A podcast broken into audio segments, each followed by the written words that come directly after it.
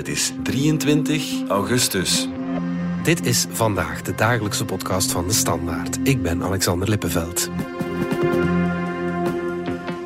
Het heeft jaren geduurd vooraleer de etaankraker van chemiereus Ineos in de Antwerpse haven een vergunning kreeg. Maar in 2021 werd de bouw toch gestart.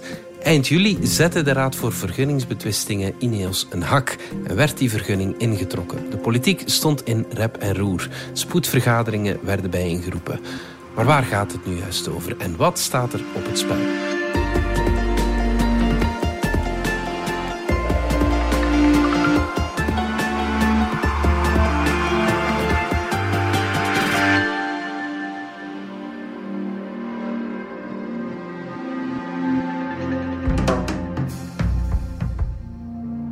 Stijn de Kok van onze economieredactie en Christophe van Schouwbroek van onze politieke redactie. Dit dossier gaat natuurlijk over uh, economie en politiek, maar misschien moeten we eerst uh, even zeggen, Stijn, waar, wat Ineos precies wil bouwen in onze Antwerpse haven. Wel, het uh, Brits-Zwitserse Ineos, mm -hmm. de, het hoofdkwartier zit in Zwitserland is ontstaan in Antwerpen. De allereerste vestiging die ze eigenlijk hadden overgenomen door Jim Radcliffe. De CEO uh, en grote eigenaar van het bedrijf was op Antwerpen linkeroever. Wel, zij gaan uh, ja, een grote etaankraker bouwen. Het is al heel lang geleden dat dat nog eens gebouwd is geweest mm -hmm. in Europa. En zo'n etaankraker, dat gaat eigenlijk etaangas kraken, dat is verhitten. En dan krijg je ethyleen. En ethyleen is een zeer belangrijk product in de chemie, mm -hmm. waar heel wat kunststoffen en allerlei zaken van gemaakt worden. Mm -hmm. Wat eigenlijk speciaal is aan het project, is dat het dus vanuit het ethaan is. En de meeste ethyleen dat we nu gebruiken, wordt gemaakt van nafta. Dat is eigenlijk een afgeleide van ruwe olie. Ah ja. Fossiele... Fossiel, het ja. zijn beide fossiele brandstoffen, ja. maar, zegt Ineos, als je het van gas maakt, ja, de CO2-content van gas is veel minder groot dan van olie, is het op die manier al een beetje properder, minder klimaatvervuilend dan als je het op de klassieke manier vanuit nafta of ruwe olie maakt. Ah ja, oké. Okay. Kan je het dan een groen project noemen of is dat te veel uh, eer? Wel, daar uh, ja, verschillende meningen natuurlijk heel hard over. Ineos vindt van wel, want ja, naast het feit dat het eigenlijk ja, minder CO2 omvat omdat het van een gas is, een bijproduct zelf van shale gas winning in, in de VS, gaan ze ook die kraker uitrusten dat ze dat eigenlijk ook met waterstof kunnen doen. Ja. Dat het ook mogelijk die CO2 kan afgevangen worden. Dus je kan zeggen van, als je het concept van we gaan ethyleen maken, en dat op zo'n proper mogelijke manier, dan zal het wellicht kloppen dat dit het zowat de meest groene manier is om het te maken. Hm. Maar je blijft het wel niet recycleren. Het is geen recyclageproces, wat technisch in principe wel kan. Dus het is wel ja, een proces waar je het maakt vanuit fossiele grondstoffen en waar er toch op een of andere manier uh, CO2 vrijkomt. Ja, ja, het is heel lang geleden dat er in Europa nog zo'n kraker uh, gebouwd is. Hoe, hoe komt dat? Ik denk dat er ook weinig behoefte aan was. Er was best wel wat capaciteit. Er staat ook wel in Europa nog wel wat uh, chemie. Zijn wel in het recente verleden van die dergelijke krakers in andere delen van de wereld gemaakt. Dus de tijd eigenlijk ook dat, dat Europa voor een stuk heel veel chemie maakte en die uitvoerde naar de rest van de wereld, dat is ook voor een stukje voorbij, omdat er ook ja, heel veel chemiefabrieken zijn bijgekomen overal ter wereld. Dus ja, dat is wel wat uniek. En ook de vraag naar ethyleen is verder toegenomen, omdat we nog altijd meer en meer kunststoffen gebruiken en van alles en nog wat. Ja, want plastic... Uh daar willen we in principe toch uh, vanaf. Laten we eerst even luisteren naar wat Jim Radcliffe antwoordt op de vraag of de wereld nog meer plastic nodig heeft. We horen hem hier op een uh, event van VOCA in de Antwerpse stad Schouwburg in februari van dit jaar. I mean, I say this a bit glibly, but do you want to live in a cave? really, because whether we like it or not, it's like energy. Our lifestyle today is utterly dependent on the products that we make. Whether it's contact lenses or your iPhone mm-hmm. or the microphone, you know, or your trainers that you go jogging in. I mean, even electricity that we get in the house, you know, the insulation on the cable is plastic. It is a fundamental part of our life. We just have to do it better. And I don't have a problem at all with the pressures on us to do it better. Europe rightfully puts pressure on us to do that. Stijn, volgens Radcliffe hebben we plastics gewoon nodig als we ja, niet in een grot uh, willen leven. We zullen nog plastics nodig hebben, daar is denk ik iedereen mee over eens. Maar over de hoeveelheid, daar is, zijn de meningen heel hard over verdeeld. Ja. Ja, de groene beweging wil dat we ons plasticverbruik zoveel mogelijk uh, verminderen en dat we eigenlijk naar een soort gesloten systeem gaan. Mhm. De plastic die we nog gebruiken, die gaan we dan volledig recycleren. Wat eigenlijk recent ook volledig kan. We kunnen nu chemie of, of plastic tot zijn essentiële basisdelen terug ah, recycleren en opnieuw inzetten. Dat je een soort gesloten systeem hebt, waardoor je eigenlijk geen ja, nieuwe plastics moet maken van fossiele brandstoffen. Of nog een alternatief is ook plastics maken van uh, ja, biostromen. Dat kan eigenlijk ah, ook vrij recent. Interessante ontwikkeling. maar waarom doen ze dat dan niet? Eh? Wel, en, en dat is ook een, denk ik een kritiek ook vanuit de milieubeweging, en waar ze wellicht ook wel een terecht punt aanraken. Dus de technologie is er nu wel stilaan om plastics volledig tot eigenlijk een basiscomponent te recycleren en volwaardig terug in te zetten. Vroeger werd plastic dat ingezameld werd en hergebruikt werd, ja, voor minderwaardige toepassingen hergebruikt. Alleen is dat soort gerecycleerd plastic nogal vrij duur, omdat het een vrij duur proces en is het eigenlijk interessanter voor wie basisgrondstoffen van plastic koopt om gewoon ja, maagdelijke plastic te kopen? Ja, Zijn het plastic die komt vanuit Ineos of, vanuit de naftakrakers mm. in plaats van uit dat gerecycleerd plastic? En zegt de, de milieubeweging van ja, door een project als Ineos toe te laten zorg je eigenlijk voor dat die markt moeilijk van de grond kan geraken. Ja, ja, ja. Wat dan wel weer het tegenargument is van uh, Ineos en, en chemiebedrijven, is van ja, de behoefte aan plastic is ook zo groot nog altijd, zelf in een duurzaam wereld waar we alle wegwerpplastic gebannen hebben, dat we toch nog altijd ook van dat ja, maatelijk plastic zullen blijven nodig hebben. Uh, die, dat gerecycleerd plastic, dat zal nooit volstaan. Ook voor een aantal toepassingen, bijvoorbeeld voor medisch materiaal, waar dat de eisen naar puurheid zeer hoog zijn, mm, zal dat gerecycleerd plastic ook niet volstaan. Maar het is denk ik wel een terecht punt van, ja, nu we het kunnen recycleren, moeten we dat misschien wel in de eerste plaats onze plastics uit ja, gerecycleerde grondstoffen halen. Ja. Er is nog een uh, argument tegen de ethaankraker van Ineos in uh, Antwerpen en dat is de natuur die uh, rond ligt. Hè? Wel, en dat is natuurlijk geen specifiek Ineos-probleem, maar zowat van alle zware industrie hier in ja, België en Nederland, eigenlijk in de dichtbevolkte gebieden en dat is denk ik ook wat de discussie van vandaag van, en waar men volledig op vastgelopen is van ja, uh, wat kunnen we hier wel nog van zware industrie met mogelijkse impact op natuur dichtbij. En eigenlijk misschien is het ook nog eens belangrijk waarom dat dan een probleem is. Dus stikstof is eigenlijk een soort meststof in, in, in de natuur, waardoor je eigenlijk eh, ja, uh, heel wat bepaalde planten hebt die veel te snel groeien en al de rest niet, waardoor dat eigenlijk je biodiversiteit van je natuurgebieden zwaar achteruit gaat. Dus eh, was eigenlijk het ding van we moeten een plan hebben en ook onder druk van Europa zeker voor beschermde vogelgebieden, heel beschermde natuurgebieden, om die stikstofuitstoot te verlagen. Mhm. Maar stikstof was, is, is niet het ja, echte issue. Het is niet dat er uit die installaties gigantische hoeveelheden stikstof gaan komen. Mhm. dus, maar het is eerder het probleem van, ja, we zitten, die natuurgebieden zitten zo chockvol van stikstof. Mhm. En vooral in Nederland, want het is ook typisch dat het ook in Nederland is gebeurd. Dat was eigenlijk de Nederlandse provincie die die klacht geeft aan indienen. Oh van, dat ja, alles wat daar nog bij komt, ja, is, is eigenlijk ja, stikstof te veel. Ja, ja, en ieder project die dan er nog eens bij komt, ja, die wordt dan heel kritisch beoordeeld. Maar ik denk wel dat de politiek had verwacht, om eerlijk te zijn, van met die vergunning zal wel in orde komen. Mm Ze waren wel echt wel geschrokken. Dus wat is er gebeurd? De Raad voor Vergunningsbetwistingen die heeft dan de vergunning uh, die Ineos gekregen had om, om die etaankraker te bouwen, heeft die vernietigd mhm. eh, in juli. En ja, gans politiek België stond eigenlijk min of meer klaar om op vakantie te vertrekken.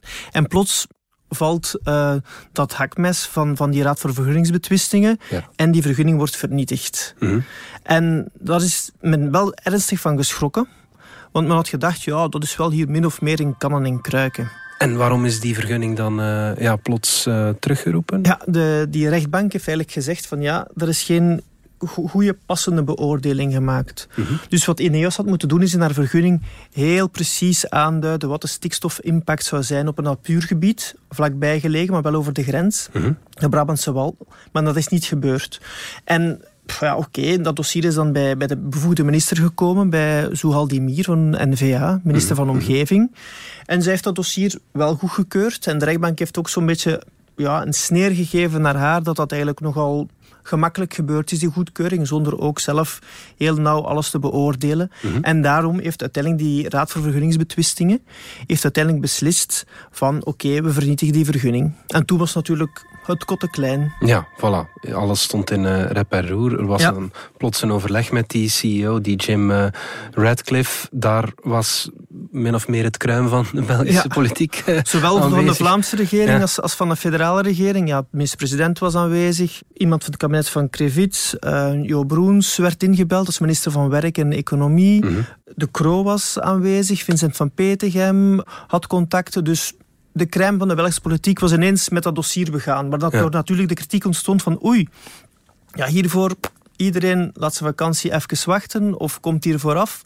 Dus eh, waarom doen we dat voor dit bedrijf wel? Is dat dan zo belangrijk? Ja. Ja, je kan daarover discussiëren. Sommige mensen zeggen, oh, dat gaat over 450 ja, directe banen. Dat gaat over een project dat eigenlijk de toekomstige chemiesector moet verzinnen beelden, met manier van spreken. Mhm. Dus moet dat dat absoluut in de Antwerpse haven hebben.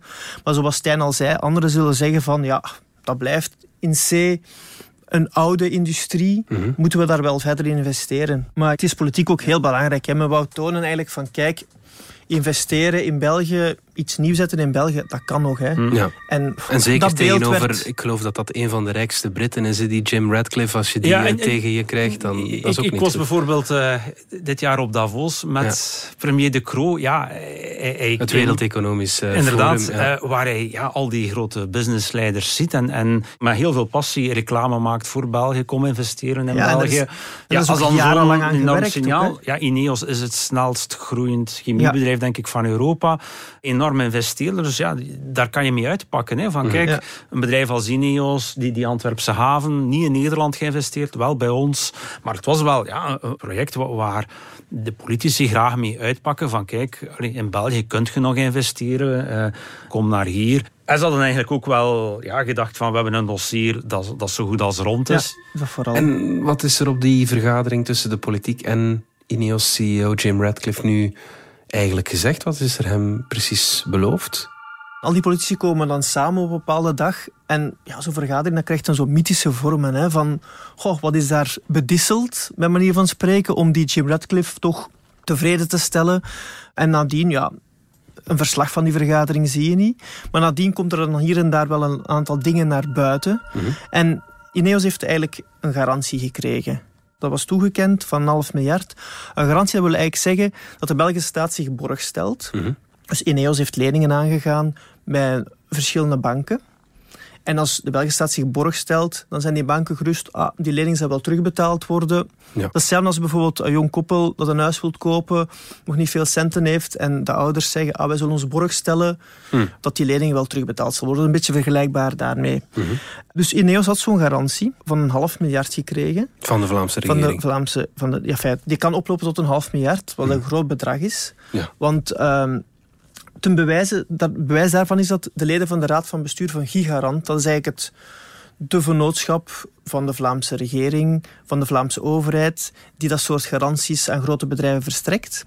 En iedereen die daar in de raad van bestuur was, had gezegd, ja, maar wij willen eigenlijk niet verantwoordelijk gesteld worden mocht dat mislopen, want dan moet de Vlaamse overheid, als die lening niet terugbetaald wordt, mocht dat ooit het geval zijn, moet de Vlaamse overheid dat half miljard wel ophoesten voor die banken. Ja, ja, ja. Dus ze hadden gezegd van, wij willen niet verantwoordelijk zijn daarvoor. En de regering heeft hen ook eigenlijk kwijtschelding gegeven van hun bestuurdersverantwoordelijkheid. Dus ze zijn niet verantwoordelijk mocht het mislopen met die grote garantie. Ja. Dus dat bewijst eigenlijk van dat het echt wel een gigantisch bedrag is, dat dat een, een grote garantie is dat de, normaal gezien de Vlaamse overheid niet geeft.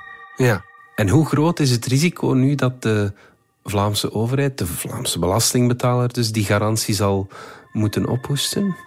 De kans is eerder klein, denk ik, dat de belastingbetaler die zal moeten betalen. Oké, ja. Maar het probleem is, die kans is een beetje groter geworden, zeggen sommige politici dan, want men weet niet precies wat er afgesproken is.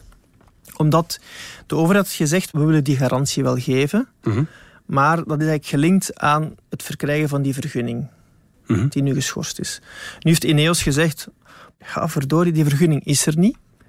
En we moeten blijven geld lenen ondertussen, want de kosten lopen verder, want die bouw van die etaankrakers is ondertussen al gestart. Mhm. Dus lonen moeten verder betaald worden, allerlei dingen die besteld zijn, leveranciers, dat moet allemaal verder betaald worden. Ja. Ineos heeft nu gezegd, we zullen terug naar onze banken moeten gaan en we zullen om die periode te overbruggen, dat er geen vergunning is, Mhm. en wij toch nog ja, allerlei kosten hebben die lopen, zullen wij een, een overbruggingslening, overbruggingskrediet moeten vragen. Mhm. En de vraag is nu gesteld, kan de Vlaamse overheid ook die garantie ook al geven voor dat overbruggingskrediet? Ja, ja. Dus in een vroegere fase, nog voordat de vergunning er is. ja. Wat natuurlijk een risico met zich meebrengt van mocht die vergunning er eventueel niet komen, hebben wij ons wel al garant gesteld voor een krediet Hmm. dat, dat weet je nooit, Ineos niet zou kunnen terugbetalen. Ja. Maar ik acht de kans ook wel klein dat Ineos, een bedrijf met Ja, een wereldwijde een- reputatie, dat die die lening niet zouden kunnen terugbetalen. Of, Ja, ik denk ook de kans dat de Ineos nu failliet gaat toch vrij klein is. Ook niet heel hoor. hè. Het is een, ja. ja, een groot chemieconcern met toch vrij hoge marges. Eh, en ze hebben nog eigenlijk veel grotere leningen aangegaan hè, in het Ja, verleden. ja, ze, hebben, eh, ze zijn er ooitjes trouwens in in de financiële crisis bijna onderdoor gegaan. Maar dit Ja, zijn. oké, dat is gelukkig al een tijdje geleden. Ehm, maar als overheid kan je natuurlijk ja, die gok toch niet wagen. Je kan die gok niet wagen en wel, ja, dat, is, dat is ook dingen afwegen tegen elkaar. Dat is een ja. beredeneerde gok. Hè. Ja, ja, ja. Maar eerst en vooral, het is nog niet zeker of ze een garantie gaan kunnen geven op dat overbruggingskrediet. Want dan Mhm. wordt nog onderzocht of dat kan. Mhm. Dus dat is nog niet beslist.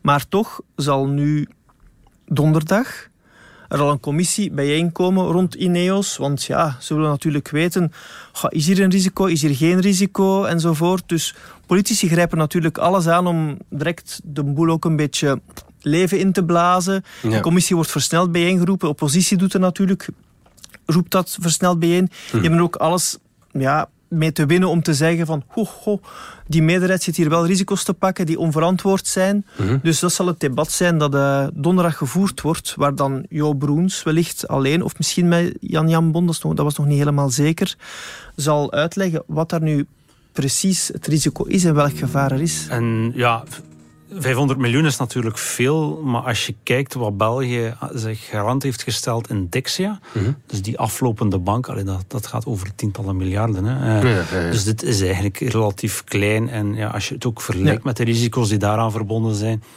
Ja. is dat nu ook niet het... eh, ja, Voor Giergarant is het groot ja. en in de totaliteit van ons land is het klein, ja. ja, en zeker in verhouding wat we met Dexia Ja. hebben, ooit hebben eh, moeten doen. Hè. En, en eh, was eigenlijk wel nog een veel, veel pijnlijker dossier. Dat is nog een eh, heel andere paar mouwen. Ehm, belangrijk ook is dat dit dossier nu wordt gelinkt aan het stikstofdossier. hè, het, is een Christophe? sti- het is een Het is een stikstofdossier. stikstofdiscussie, die, die leeft al het hele jaar. Daar gaat het over. eh, maar vertel Het eens. het eh, heeft ja. gewoon de discussie die, die al ja, het hele jaar leefde nog eens op scherp gesteld. Hè? Mhm, mhm.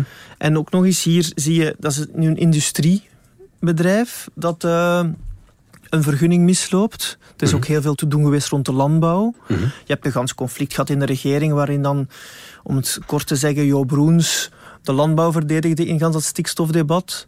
En uh, Zouhal Demir eigenlijk eerder uh, naar de industrie keek. Het stikstofdebat, vooral duidelijk, dat gaat over het feit van ja, hoeveel stikstof mag er eigenlijk neerdwarrelen in de natuur Ja. om te vermijden dat ja, de natuur beschadigd wordt. Um, in maart is er dan een heel, heel zwaar bevochten akkoord gesloten in die Vlaamse regering. Mhm. Tussen, ja, en vooral tussen Demir en Broens, maar dus in die ganse Vlaamse regering. Mhm.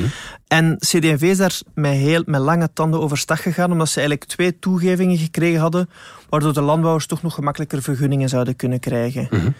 En die toegevingen hebben ze gekregen, maar wel onder voorwaarde dat er nog een onderzoek zou gebeuren naar, oké, okay, als we die versoepelingen geven voor die landbouwers, was de impact voor, voor de natuur. Mhm. Dus de bedoeling was, dat akkoord was gesloten, dan moet natuurlijk dan nog in teksten gegoten worden die naar het parlement moeten en door het parlement gesluist worden. Dat moet in een decreet gegoten worden dan.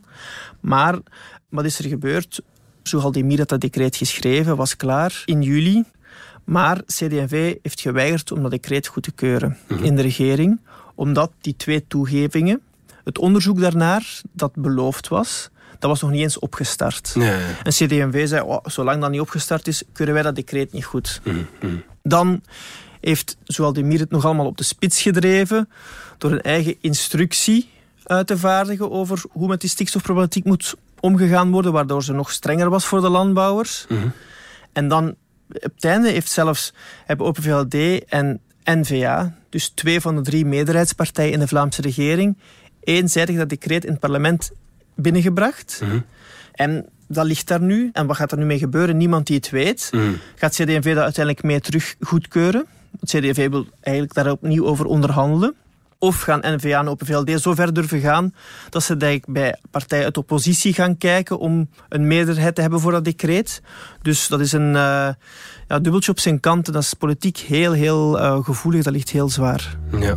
Ehm, Het is, is weer een, een, een voorbeeld van die ja, industrie versus landbouw discussie, Stijn. Ehm, Ja. Dat, dat, ja, het is een evergreen aan het worden. Wel, en eigenlijk was het vroeger niet zo. Hè. Lang was eigenlijk ja, industrie en landbouw min of meer twee handen op één buik. En je ziet dat dat toch, vooral eigenlijk door Nederland met de stikstofcrisis daar, daar heeft men eigenlijk op een bepaald moment besloten dat er eigenlijk niks kon gebouwd worden. Een, een volledige ja, stillegging van alle bouwprojecten omdat men oordeelde dat eigenlijk van alles wat erbij kwam, dat dat extra stikstof was in de natuur. En wat is het conflict eigenlijk? Zegt de industrie, ja maar wij zijn eigenlijk niet echt verantwoordelijk voor heel veel stikstof. Ehm, wij zorgen daar wel voor een beetje stikstof, maar dat is relatief weinig en dat is al sterk teruggedrongen. En zeker de stikstof die de industrie uitstoot ten opzichte van hun toegevoegde waarde, het aantal jobs, het aantal export die daar tegenover staat, staat in contrast met de landbouwsector, waar je wel ja, bijvoorbeeld zo'n varkenstal een enorme stikstofuitstoot hebt, waar men dan wel zegt van ja, kijk, ja, zo'n grote varkenstal, dat is dan misschien één iemand of, of twee mensen die daarin werken, ten opzichte van zo'n groot chemiebedrijf, 450 goed betaalde jobs, heel veel onrechtstreekse jobs. Dus je voelt wel dat conflict. Vanuit de industrie hoor je, eh, het kan niet zijn dat we bijvoorbeeld een groene nieuwe metaalfabriek voor Arcelor niet gaan kunnen bouwen omwille van Ja. ja. eh, drie varkensstallen daar in de buurt. Eh, Waar dat ze dat vinden, ja, dan moeten maar die, die varkensstallen dichtgaan. Wat natuurlijk weer heel veel kwaad bloed werkt bij de landbouwers die nu vinden van ja, maar die, die grote pieven met al hun geld, Ja. zij mogen Ja. wel en wij niet.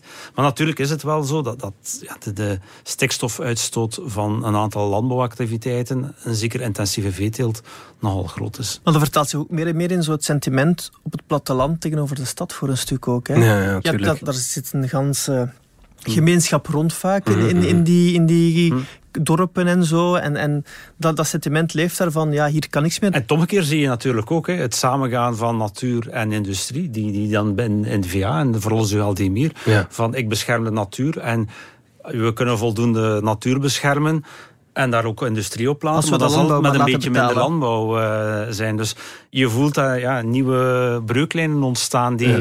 minder traditioneel zijn dan dat je zou denken. Ja, ja, inderdaad. Waar gaat dit eindigen, denken jullie? Komt Tja. er een, eh, een kraker of, eh, of niet om terug Ja, op Ineos dat, te dat, is, komen? dat is heel moeilijk om daar, daar Ja. uitspraken over te doen. We hebben die, die tweestrijd die men dacht die in maart beslecht was, met dat stikstofakkoord, dat ligt terug helemaal open nu. Hè. Dat Ja. is eigenlijk het punt. En CD&V wil daar nu heel snel onderhandelingen over voeren om terug een soort compromis te bereiken. Mhm. Om daar terug allemaal zachtjes te laten landen. En, en N-VA die houden dat af. Die willen eigenlijk eerst alle mogelijke andere dossiers oplossen. Want die denken, als we terug over stikstof beginnen babbelen, gebeurt er niks meer. Nee, ja. Hm. En eh, iemand als Jan-Jan Bon die moet eh, in de vierde week van september voor het parlement verschijnen. Zijn septemberverklaring uitspreken, waarin hij allerlei dingen moet vertellen, beloven. We gaan budgetten daaraan besteden, daaraan besteden, daaraan besteden. En hij vreest van, als we terug over de stikstof beginnen babbelen, gaat daar van die septemberverklaring misschien niet veel in huis komen. En vorig jaar was het al een eh, oktoberverklaring, dus Ja, dat zit hij met het- nog eens eh, maar ook CD&V die toen dwarslag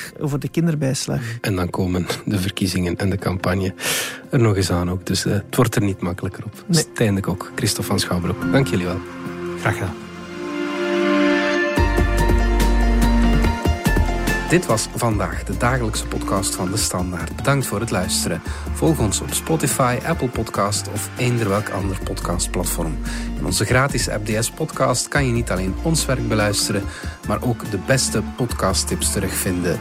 Alle credits van de podcast die je net hoorde vind je op standaard.be-podcast. Reageren kan via podcast.standaard.be.